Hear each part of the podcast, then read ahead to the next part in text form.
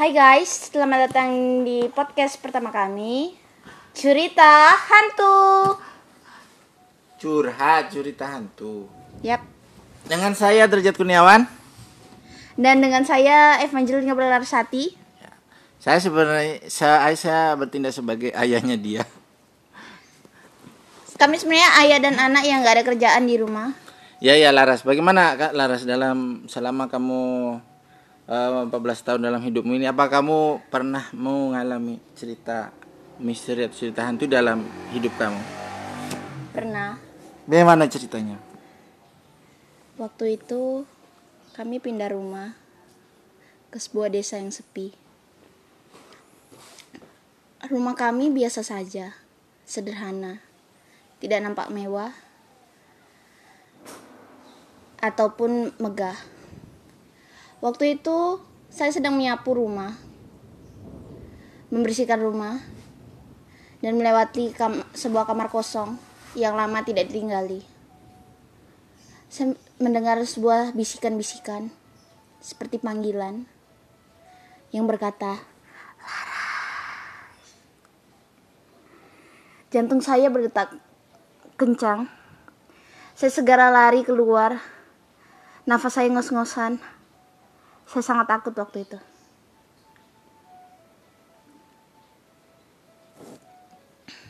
Sudah. Cuma pendek guys. Ah.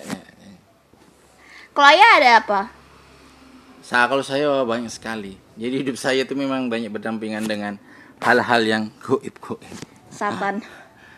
Iya saya yang pertama itu pada waktu saya itu SD SD kelas berapa ya SD eh kelas 2 kelas 2 SD masih kecil sekali guys pada waktu itu saya kita itu tinggalnya itu belum ada ini laras ini Ah, waktu itu kita tinggalnya di kampung sebuah kampung yang terpencil bahkan pada waktu itu belum ada listrik masuk di kampung itu. Jadi tiap hari kita hidup dengan kegelapan.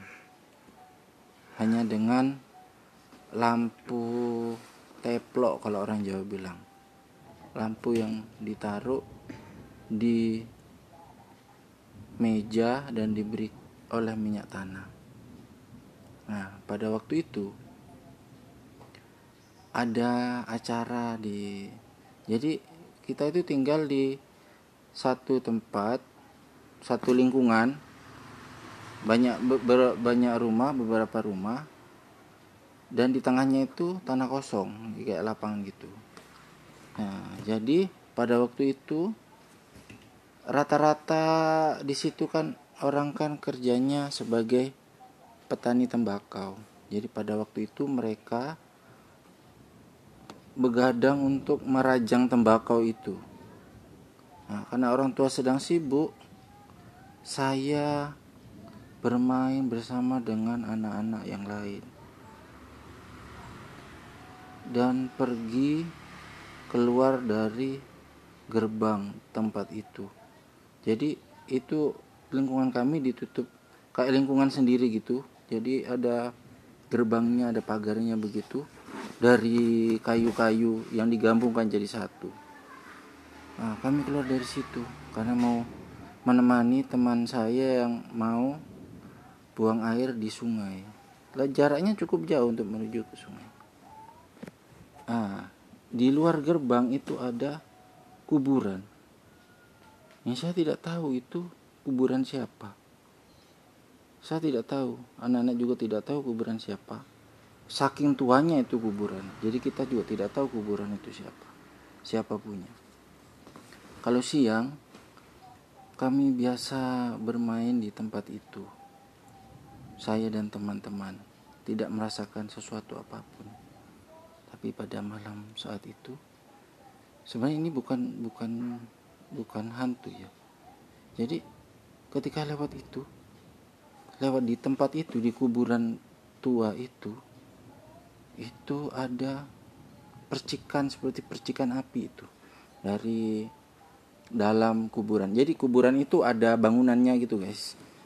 Jadi kuburan ada bangunannya, ada rumahnya begitu. Ah, dan cuman satu-satunya kuburan itu itu cuman itu. Kuburan tua di situ. Melihat itu kami langsung takut. Bukan cuma saya yang melihat juga teman-teman saya yang lain. Kami langsung ketakutan dan berlarian pergi meninggalkan tempat itu pergi menemui orang tua kami masing-masing. Ya itu saya cerita saya.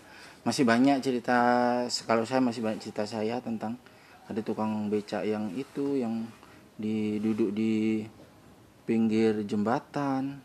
Ada ah banyak macam-macam lah. Tetap ikuti podcast kami saya dan Evangeline. Larasati. Sampai jumpa